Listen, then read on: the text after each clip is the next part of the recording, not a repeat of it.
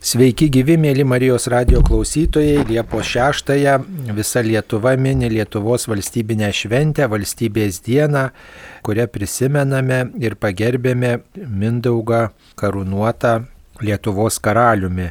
Ir kasmet Liepos 6 dieną prisimenama Mindaugo karūnacija ir švenčiama valstybės diena. Šioje laidoje kalbiname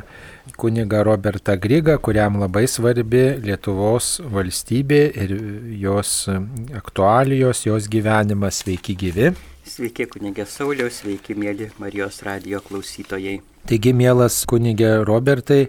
ką jums reiškia ši valstybės diena Liepo 6? Ar išgyvenate ją panašiai kaip ir vasario 16-ąją Lietuvos nepriklausomybės dieną, ar tai yra tiesiog dar viena valstybinė šventė? Kokias mintis jums žadina ši diena? Turbūt lietuvio ir krikščionio lietuvio sąmonėje mažai tokių švenčių, kurios prilygtų vasario 16, ypač mūsų vatų 50 mečių, 60 mečių kartai, nes tai buvo mūsų svarbiausia tautinė Lietuvos nepriklausomybė menanti šventė, kuri buvo okupacijos metais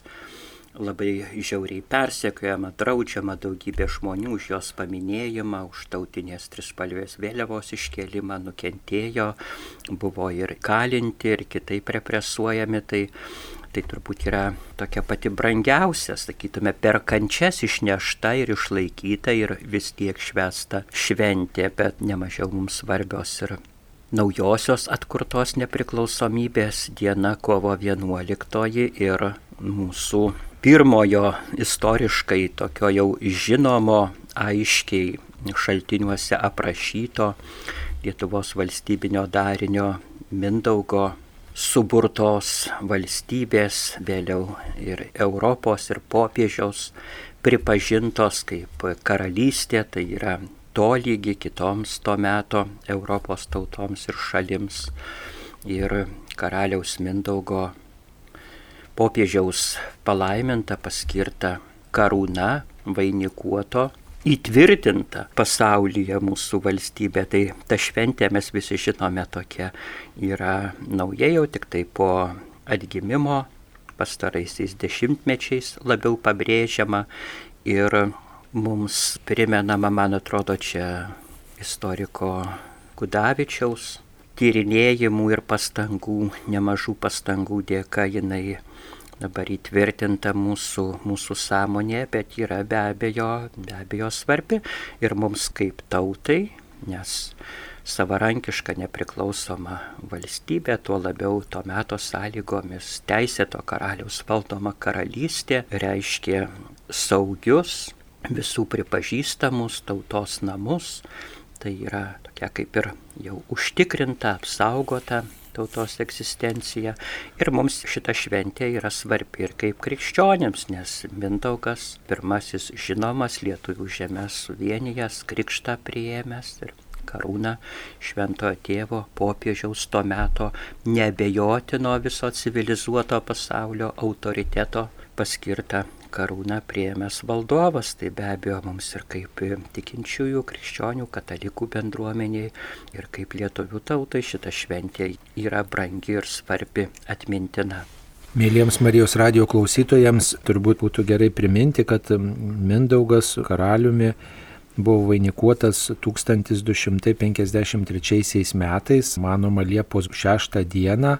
ir šitą datą surado kaip galima istorikas profesorius Edvardas Gutavičius 1989 metais jis ir pasiūlė Lietuvos Respublikos Seimui šitą datą minėti kaip valstybės dieną. Ir Lietuvos Respublikos Seimas 1990 m. spalio 25 d. prieėmė įstatymą dėl švenčių dienų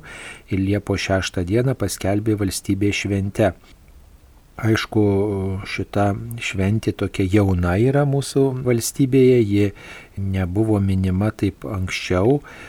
nei sovietmečių, nei, nei tarpukario Lietuvoje, bet štai dabar ją prisimename, švenčiame kaip Mindaugo karaliaus dieną ir kartu tokiu būdu pabrėžiame, kad mūsų valstybingumas susijęs su krikščioniškomis tradicijomis, su krikščionybė. Kiek svarbi krikščionybė tai valstybės gyvenime, kiek svarbi žmonių gyvenime, kiek svarbu, kad mūsų šalis išliktų krikščioniška. Manau, kad ta svarba yra nekelianti abejonių ir ne vien tik tai krikščionys, bet tikrai objektyvę tikrovę, faktus pripažįstantys istorijos mokslininkai su šituo sutinka. Aišku, tikime, kad Dievas sukūręs žmogų į save panašų tą samoningą kūrinį globoja ir myli, rūpinasi visomis tautomis, tai turbūt ir iki krikščioniškais laikais jo apvaizda vedė ir tą lietuvių tautą ar, ar mūsų to meto gentis ir iki krikšto. Tačiau visiškai aišku, kad Lietuvai tapus krikščionišką karalystę viso to meto kultūringo pasaulio pripažinta atsivėrė naujos galimybės ir tą galima labai lengvai istoriškai patikrinti visas tas ir mokslo su ypač jesuitų įkurta kolegija Vilniaus universiteto augimas ir ta architektūra, kuria pirmiausia bažnytinė religinių pastatų architektūra, kuria žavimės iki šiol. Ir raštyje atsiradusi Lietuvoje su krikščionybė pirmosios knygos, kurios buvo dvasinės, religinės, pradedant ir, ir nuo mažvydo katekizmo ir Bretkūno daugšos leistų pamokslų rinkinių davė pradžią mūsų jau literatūriniai raštijai ir bendruomeninis atsinaujinęs gyvenimas per vienuolijas, kurios rūpinosi atstumtaisiais vargstančiais ligoniais per tuo metu, na, dar neįveikiama visa Europa siaubusią tą marų epidemijas. Visi tie dalykai davė tokį, na, sakytum, naują kokybinį pagrindą ir lietuvių tautos gyvenimui, augimui ir santykiams su kitom aplinkiniam, jau daugiausia krikščioniško valstybėm. Sakytume, jau mūsų, mūsų išlikimo garantija, augimo, dvasinio vystimosi garantija buvo ne vien tik tai fizinė jėga, ne vien tik tai galimybė apsiginti ir galbūt pulti kitus, ar aprūpinti save to meto žemės ūkio produktais, bet jau buvo ir dvasinis gyvenimas, ta tokia savita lietuviškoji krikščioniškoji kultūra, kuri veikiama, įtakojama aplinkinių tautų, bet pagal tą mūsų prigimtį Dievo mūsų tautai duotas charakterio savybės nuėjo tokį savitą augimo ir vystimosi kelią iki tos mūsų dabartinės krikščioniškos savimonės, kurią mes irgi galime tą jausti, net ir tie žmonės, kurie na, deklaruoja, kad jie yra pagonys, norėtų gaivinti tą, kaip jie tenai suvokia iš įvairių raštų ar papročių nuotrupų bando atkurti tą pagonišką lietuvių pasaulyje jautą, ar žmonės, kurie deklaruoja, kad yra netikintys, kai, na, bandai va taip giliau juos pažinti ar suprasti jų santykių su pasauliu, kai stebi jų tarpusavio santykius, aš turiu mintį geros valios žmonių, tai vis tiek pastebi, kad visa tai yra paveikta ir nuspalvinta pagrindinių krikščioniškųjų vertybių ir tas požiūris, kad yra svarbi dvasinė darna ramybė, požiūris, kad yra teisinga gerbti kiekvieną žmogų, net, net ir priešiškai nusiteikusį. Tokia dovanojimo, dosnumo, savęs aukojimo kultūra, jinai nėra tokia savaiminė ar, sakytum, bendra visoms pasaulyje žiūroms, bet yra daugiau krikščionybės nuspalvinta, tokia persmelkta, išugdyta gyvenimo būsena nors žmonės galbūt ne visada tai pripažįsta, bet net ir tokiems gal nutolusiems ar atsiribojusiems nuo bažnyčios asmenėms labai galime nesunkiai pastebėti, kad krikščioniškoji dvasia ir toliau išlieka tokiu pagrindu, fundamentu, ant kurio vyksta jų dvasinis gyvenimas, tų žmonių, kurie yra geros valios ir stengiasi išlaikyti bendražmogiškas vertybės ir tikiu, kad jų, nepaisant visų skirtumų, mūsų visuomenėje yra dauguma. Tai valstybės gyvenime tikrai yra tas krikščionybės indėlis labai svarbus ir didelis tiek kultūriniam gyvenime, tiek vertybinė prasme, ugdant piliečius, tokius kūrybingus, įsilavinusius piliečius ir parodant tokį kelią, kaip galima, reiškia, gyventi ir, ir tikrai rūpintis šiuo kraštu, bet kartu tą žvilgsnį kelti, nesulaikyti ties šiuo pasauliu, šią žemę, bet kelti į dangų ir, reiškia, tokią atsakomybę jausti prieš Dievą. Tačiau kartais pastebim, kad šių laikų krikščionės štai šalinasi nuo visų valstybingumo reikalų ir kartais lieka nu, tiesiog abejingi, ten nedalyvauja rinkimuose, nesidomi, kas tie tie valstybės valstybės vadovai, kokiom nuostatom jie gyvena, tik taip vienu žvilgsniu gal pasako, čia maždaug politika, tai politikų reikalas, o mes gyvenkim savo gyvenimą. Kaip krikščionių reikėtų vat, laikytis valstybės reikaluose, tuose politiniuose reikaluose, ar, ar mes galim kažkiek paveikti krikščionys, sąmoningi krikščionys mūsų valstybės ateitį. Be abejo, kad galim paveikti ir tai priklausys nuo mūsų samoningumo ir tam tikro darbštumo, nes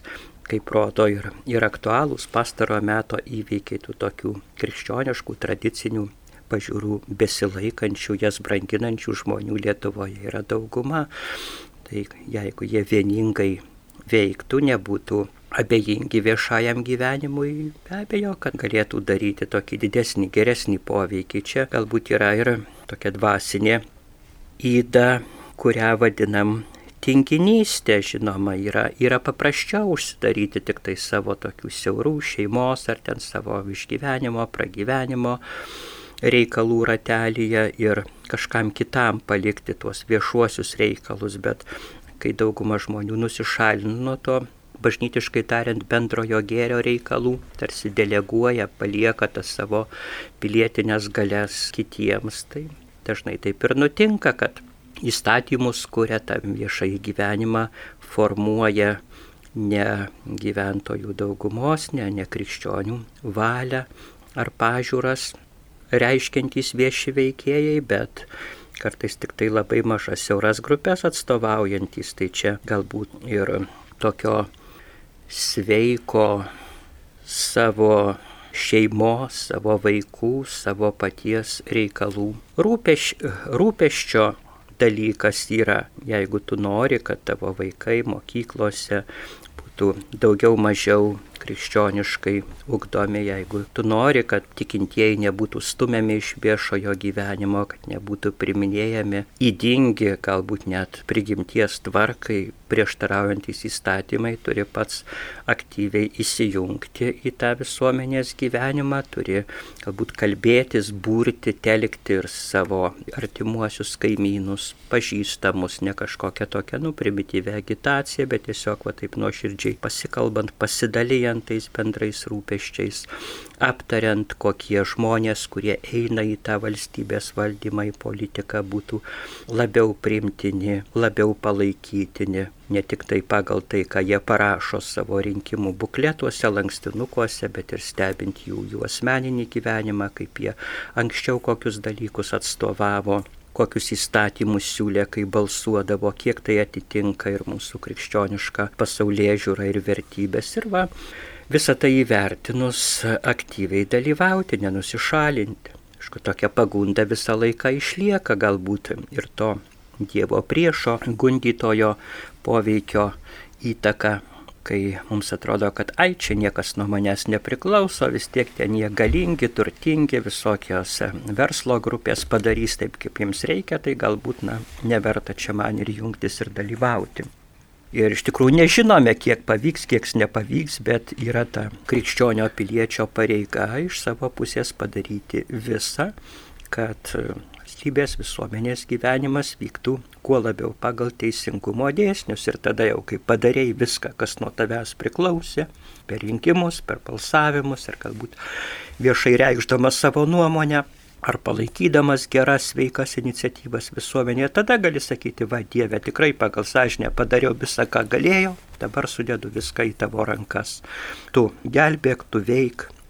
tu pakreipk tų viešų asmenų ar vadovų širdis kuo geriausia linkme, bet pirmiausia iš savo pusės turime padaryti tai, kas nuo mūsų priklauso, ką galime tarp tų laikų Lietuvos ir, ir šių laikų Lietuvos yra tokia bendras toks dalykas, tokia paralelė galima išvesti. Tai yra Mindaugas Lietuvą matė tarp Europos valstybių ir norėjo palaikyti santykius su Europos valstybėmis ir siuntė pasiuntinius pas popiežių tuometinį Inocentą ir kartu, reiškia, tarėsi dėl na, tokio valstybės statuso pripažinimo ir, ir, ir troško, kad ta valstybė priklausytų tiesiai, reiškia, nuo popiežiaus. Ir matė šitą kraštą tarp Europos kitų kraštų, kurie jau buvo anksčiau prieėmę krikščionišką tradiciją ir valdovai kitų kraštų jau buvo anksčiau karūnuoti popiežiaus palaimintomis karūnomis, o šiais laikais mes taip pat norime, kad mūsų kraštas būtų tarp kitų Europos valstybių. Tačiau matom, kad kartais tas buvimas tarp tų Europos valstybių ne visada atneša tik tai privalumus tokius. Yra kraštas toksai tarp lygių ar ten tarp tų, kurie, reiškia, yra civilizacijos ugdytojai, bet ir kartu vis pasigirsta balsų, kad Europos sąjunga Europos kraštuose yra netinkamų nuostatų, kurios čia taip pat turi būti įgyvendintos. Tokios tarsi ir antikrikščioniškos kartais, tarsi ir tokios, kurios riboja mūsų krašto laisvę, mūsų krašto norą savarankiškai tvarkytis. Tai ką apie tai daugiau galėtume pasakyti, vat, apie tą laisvę, kad tas buvimas tarp kitų kraštų, tas buvimas tam tikrose sąjungose, juk kraštą ir krikščionį apskritai kažkaip riboja, saisto ir kartais kelia grėsmę jo, jo nuostatom kaip reikėtų už tai va, išlaikyti tas nuostatas mūsų ir, ir, ir nepasiduoti kažkokios sąjungos diktatui, nuomonėms, kažkokioms gal antikrikščioniškoms nuotaikoms, kurios kartais ateina ir iš kitų kraštų, ir iš kitų va, tokių šalių. Turbūt tokia sveika krikščionio laikysena visų tų politikos ar tarptautinių sąjungų atžvilgių turėtų būti tokia sveikai nuosaiki, nesudėvinti ar ES ar kokio kito darinio, taip sakant, nelaikyti kažkokiu tokiu amžinu, nelygstamų gėrių, bet kartu ir tai be pagrindo nemenkinti, o tiesiog blaiviai vertinti tai, kas yra gera, tai priimti, tuo naudotis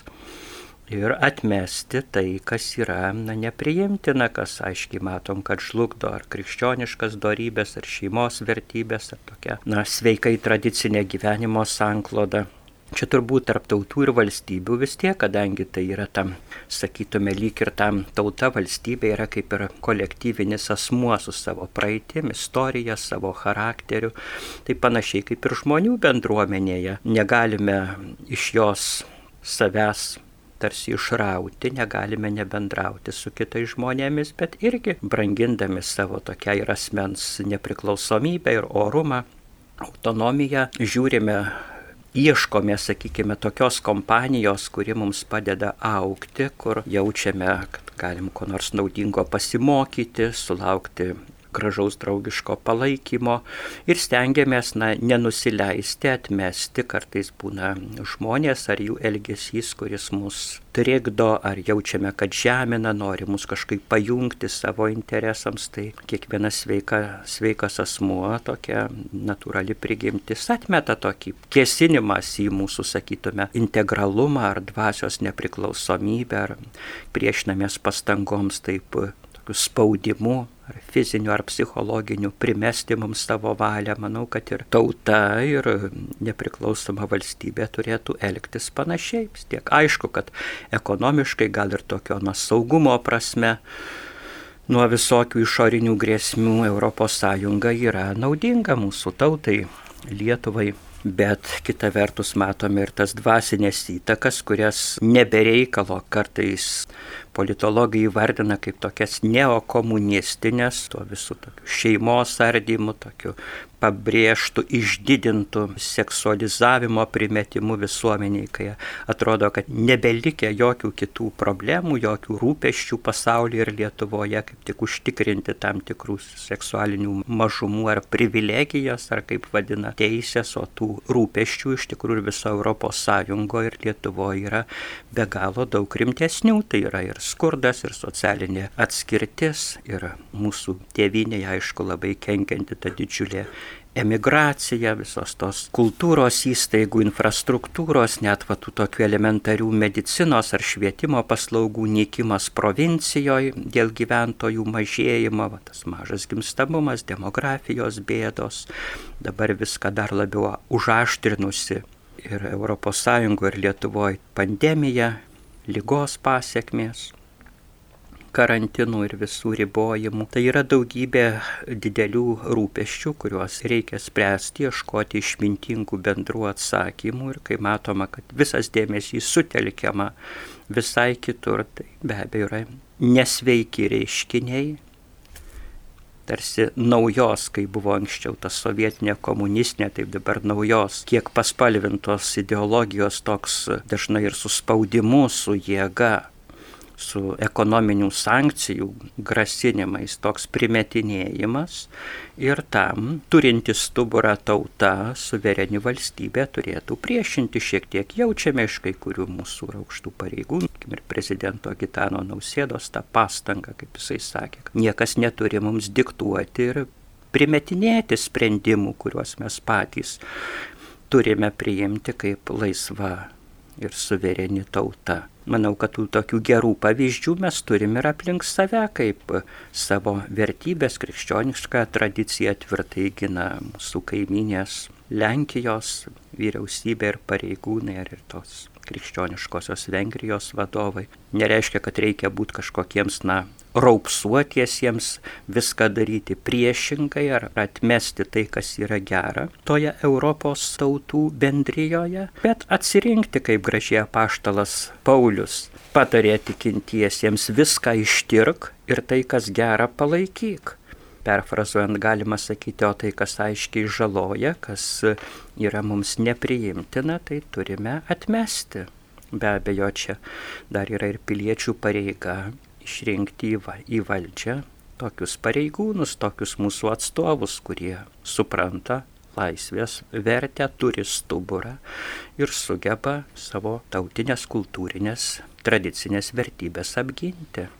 mūsų valstybė savo tą laisvę turbūt per visą gyvavimo laikotarpį buvo praradusi keletą kartų. Viena tai yra ta okupacija, kuri ateina iš kitų šalių, o kita tai yra ta tokia vidinė laisvė turbūt. Dabar tarsi ir nėra valstybės, kuri būtų okupavusi, bet ar tikrai piliečiai yra laisvi, ar tikrai mes e, išsaugome tą tokią vidinę laisvę? Mūsų valstybės piliečiai, nebūtinai krikščionys, nebūtinai tikintis, gal kartais mes e, savo patogumui tą laisvę atiduodame savo gerbuviui ir, ir dar kažkokiu kažkokiom kitom ideologijom atiduodam, juk ta laisvė ne tik tai išoriškai gali būti atimama, bet ir viduje žmogus gali būti nelaisvas, aistomas tokių įvairių nuostatų, kurios vat, įkalina jį tam tikro uždaro, tam tikro režimo rėmose. Turbūt ir asmens, ir tautos laisvės supratimas priklauso nuo brandumo, nuo asmenų ar dėsnių bendrijų visuomenės, tokios dvasinės brandos. Jeigu toji branda, toks atsakomybės jausmas ne tik tai už save, bet ir už platesnę aplinką yra išugdytas, rūpinamės ne vien tik tai savo gerovę, bet ir bendruoju visuomenės gėriu, tai bus vienaip, visiems naudingai gyvendinama ta laisvė, jeigu taip labai siaurai individualistiškai suprantama laisvė, tik tai pagal tą tokį paauglystės principą, kad ką noriu, tą darau ir tai yra mano laisvė, tai gyvenimas bus visai kitoks. Man čia taip, klausant jūsų kunigė Saulio atėjo į mintį toks vaizdelis ar palyginimas, kaip kartais matome vaikų darželį ar, ar ten pradiniai mokykloje, kaip vienai par kitaip gali ar augantys vaikiukai išreikšti savo laisvę, jeigu yra atitinkamas ugdymas šeimoje, skatinamas gerumas koks nors net ir toks beaugantis žmogutis savo laisvę gali panaudoti, pavyzdžiui, ten atnešti draugui ar bendramžiams kokią dovanėlę, pasiūlyti kokį nors juos žavinti gerą žaidimą pasidalinti, paprastai sakant, saldainiais, o jeigu ugdymas yra ten tokia, nu, supratimo linkmė yra kitokia, jisai naudos jėgą prieš mažesnius, prieš silpnesnius, atiminės jų daiktus, žemins juos ir tai turbūt yra ir tam suaugusių pasaulyje ir gyvenime gali būti vienoks ar kitoks laisvės išreiškimas arba laisvė tik tai man, laisvė tai, ko aš šiuo metu noriu, kas man atrodo reikalinga, ar laisvė mąstant ir apie kitus, kas yra gera mums visiems, mūsų, mūsų šeimai, mūsų tautai. Tai aišku, kad tų laisvių kokybė yra įvairi ir bažnyčia, krikščioniškoji pasaulyje žiūra apskritai skatina, remia tą brandesnę laisvę, kuri, manau, atitinka ir kiekvieno paskiro asmens asmenybės, tas geriausias na, augimo kryptis, augimo tendencijas. Krikščionis yra ir valstybės pilietis, bet kartais sakoma, kad tas valstybės gyvenimas turėti savo vagą, o, o krikščionis tarsi čia vidinis, vidinis toks e, nusistatymas turėtų būti, kad nereikėtų krikščioniui savo pažiūrų demonstruoti, tai palikti, reiškia, privačiam tokiam gyvenimui. Kaip matot, kiek krikščionys galėtų būti aktyvesni valstybės gyvenime, galbūt tikrai mes tas krikščioniškas nuostatas mažai ir atstovaujame, institucijose ir, ir jas kartais galbūt ir oponentai kažkaip sukritikuoja, pastumia į šalį, daro tokiam nepopuliariom, tos krikščioniškos nuostatos tampa tarsi kažkokių fanatikų, fundamentalistų, tokiom vėliavom, kurios nepatrauklių žmonėms ir atrodo netinkamos. Tai kaip reikėtų vis dėlto tas krikščioniškas nuostatas įtvirtinti, štai kad krikščionys galėtų labiau būti matomi, girdimi ir į jų, į jų nuostatas vertybės būtų atsižvelgiama. Neįmanoma taip visiškai griežtai atskirti to asmeninio, vidinio, dvasinio gyvenimo nuo viešos visuomeninės raiškos. Kartais, na, bandoma taip gal tokių sekuliarių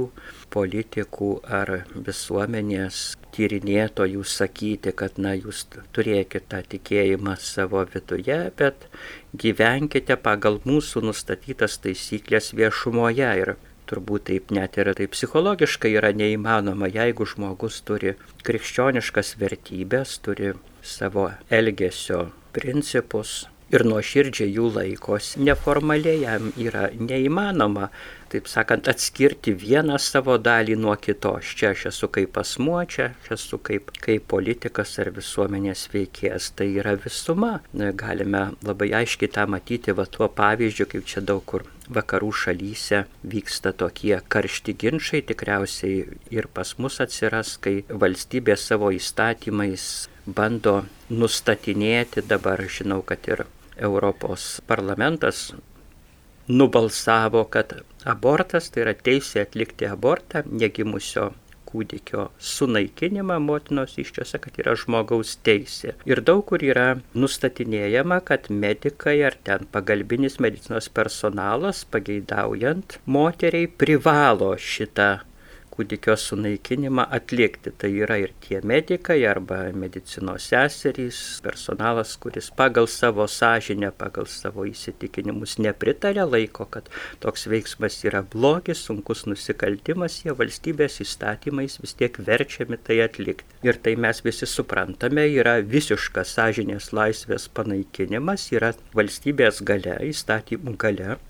žmogaus vertimas elgtis prieš savo įsitikinimus, tarsi būti tuo, kuo jis nėra. Nes krikščionis, na, negali jaustis ramus, negali jaustis gerų žmogumi, jeigu jisai elgtųsi prieš savo sąžinę, darytų tai, ko reikalauja valstybė, bet kas prieštarauja jo giliausiems įsitikinimams, jo pažiūroms į gyvybę. Ir čia mes nori, nenori, nebūdami nei kažkokie fanatikai ar fundamentalistai, bet tiesiog dėl savo sąžinės esame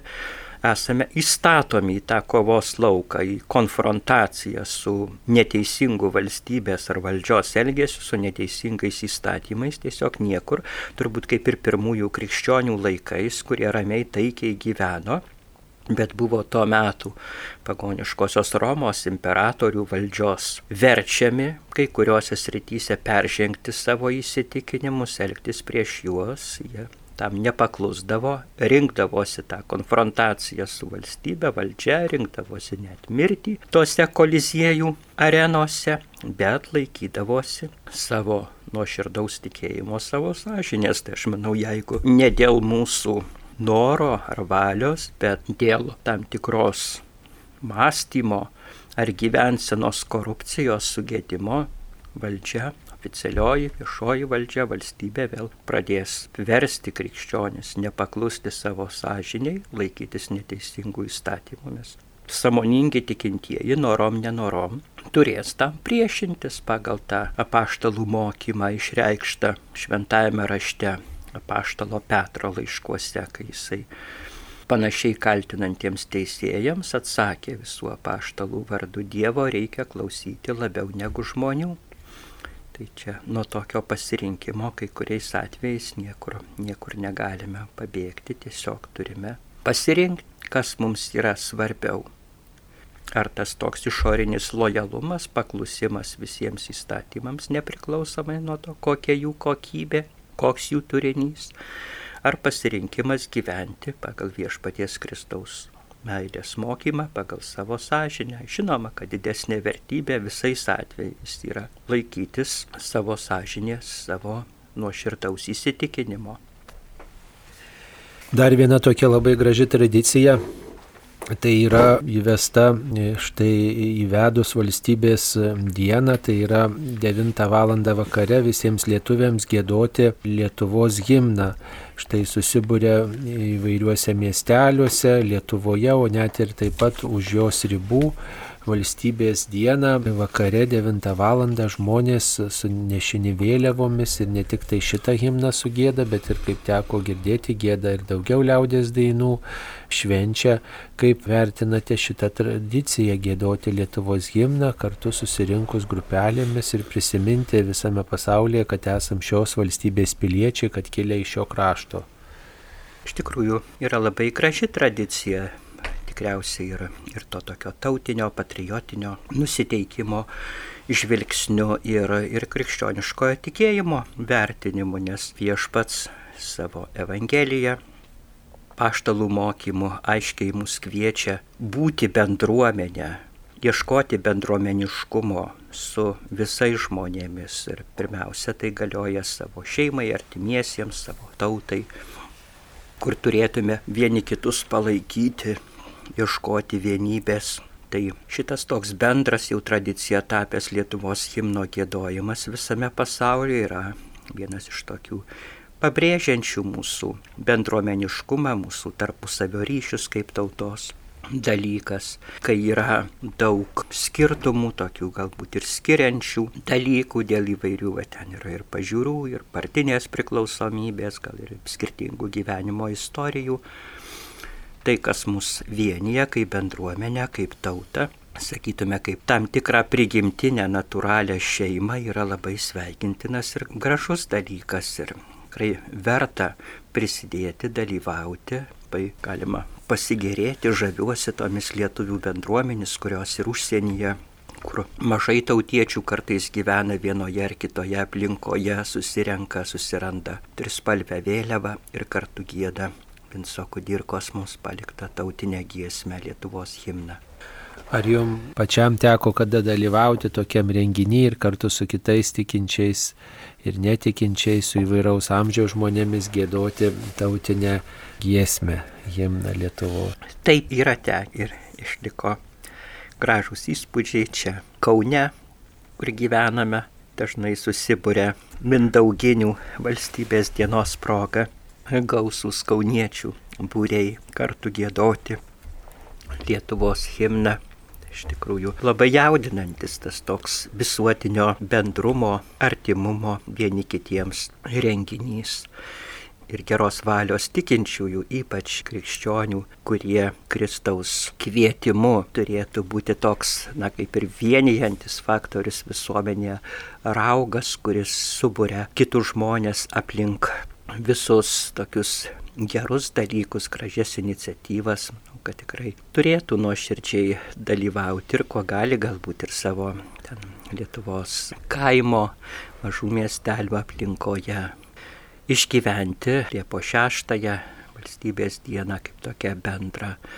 visų šventę. Aišku, nepamirštant prie tos viešos pilietiškumo išraiškos himno gėdojimo ir maldos už mūsų tėvynę, už jos vadovus, už žmonės, nuo kurių priklauso priimami visiems svarbus sprendimai kad tai būtų ir tokia mūsų dvasinė, vidinė, galbūt ryšio, ne vien tik tai tarpusavėje, bet ir mūsų ryšio su Dievu, Dievo maldavimo išraiška. Dar vienas toks dalykas, kad Lietuva 1253 metais karaliaus Mindaugo buvo telkiama iš tokių galbūt skirtingų žemių, skirtingų įtakų į vieną valstybę, galbūt gyvavo ir iki tol, bet ir, ir dabar štai tas vienijimosi klausimas, vienybės klausimas turbūt lieka aktualus. Ką galėtume palinkėti štai šią vienybės temą, juk dabar tiek daug temų suskaldo visuomenę, tiek daug požiūrių, partijų, visokių nuostatų žmonių yra taip susiskaldę, kad atrodo, na čia daugybė tų Lietuvų yra vienoje valstybėje, daugybė tų požiūrių ir visi tarsi tempia į savo pusę tą kraštą ir to krašto žmonės ir nuostatas, kuriomis turėtų šis kraštas gyventi. Kaip mums pasiekti, kad būtų mūsų šalis vieningesnė, mūsų šalies žmonės tokie labiau vieningi, labiau broliški? Kad būtume labiau vieningi, labiau broliški, turbūt yra viso gyvenimo darbas kiekvieno žmogaus ir, ir mūsų parapijų, tikinčiųjų bendruomenių. Dėl sužeisto žmogiškos prigimties ta nevienybės, ta šietono skaldimo siekla yra, yra pasėta. Mums nelengva ne tik tai kaip tautai, bet matome kartais ir kaimynams, ir tos pačios net šeimos nariams, kraujo giminėms ne, ne visada lengva sutarti ir ir vieningai gyventi, tai kiek viešpats leidžia išvelgti, kiek savo protų sąžinę suprantame, kas yra gera, naudinga visiems turėtume ir dvasinę veiklą, ir maldą, ir savo konkrečiais žingsniais prie tokios tarpusavio pagarbos prisidėti. Turbūt yra svarbu visau priminti ir laikytis to tokio bendro bažnyčios mokymo, kai susidurėm su kokiais mums neprimtinai žalingais dalykais, kad vis dėlto išlaikytume pagarbą kitam žmogui, net ir tam, kuris mums gal nemielas ar elgesi neprimtinai, neteisingai, kaip bažnyčia moko smerkti netinkamą elgesį nuodėmę, bet gerbti, mylėti, linkėti gero kiekvienam asmeniui tai ko gero, net susidurdami kartai su tokiu nepelnytų priešiškumu ar niekinimu, kokio dabar nemažai tikinčiųjų atžvilgių matėm ir konkrečių kunigų, ir bažnyčios atžvilgių nemažai yra ir viešojoje erdvėje, tuose socialiniuose tinkluose, tai nepaisydami to patologiško kartais priešiškumo, tiek neturėtume atsakyti tuo pačiu.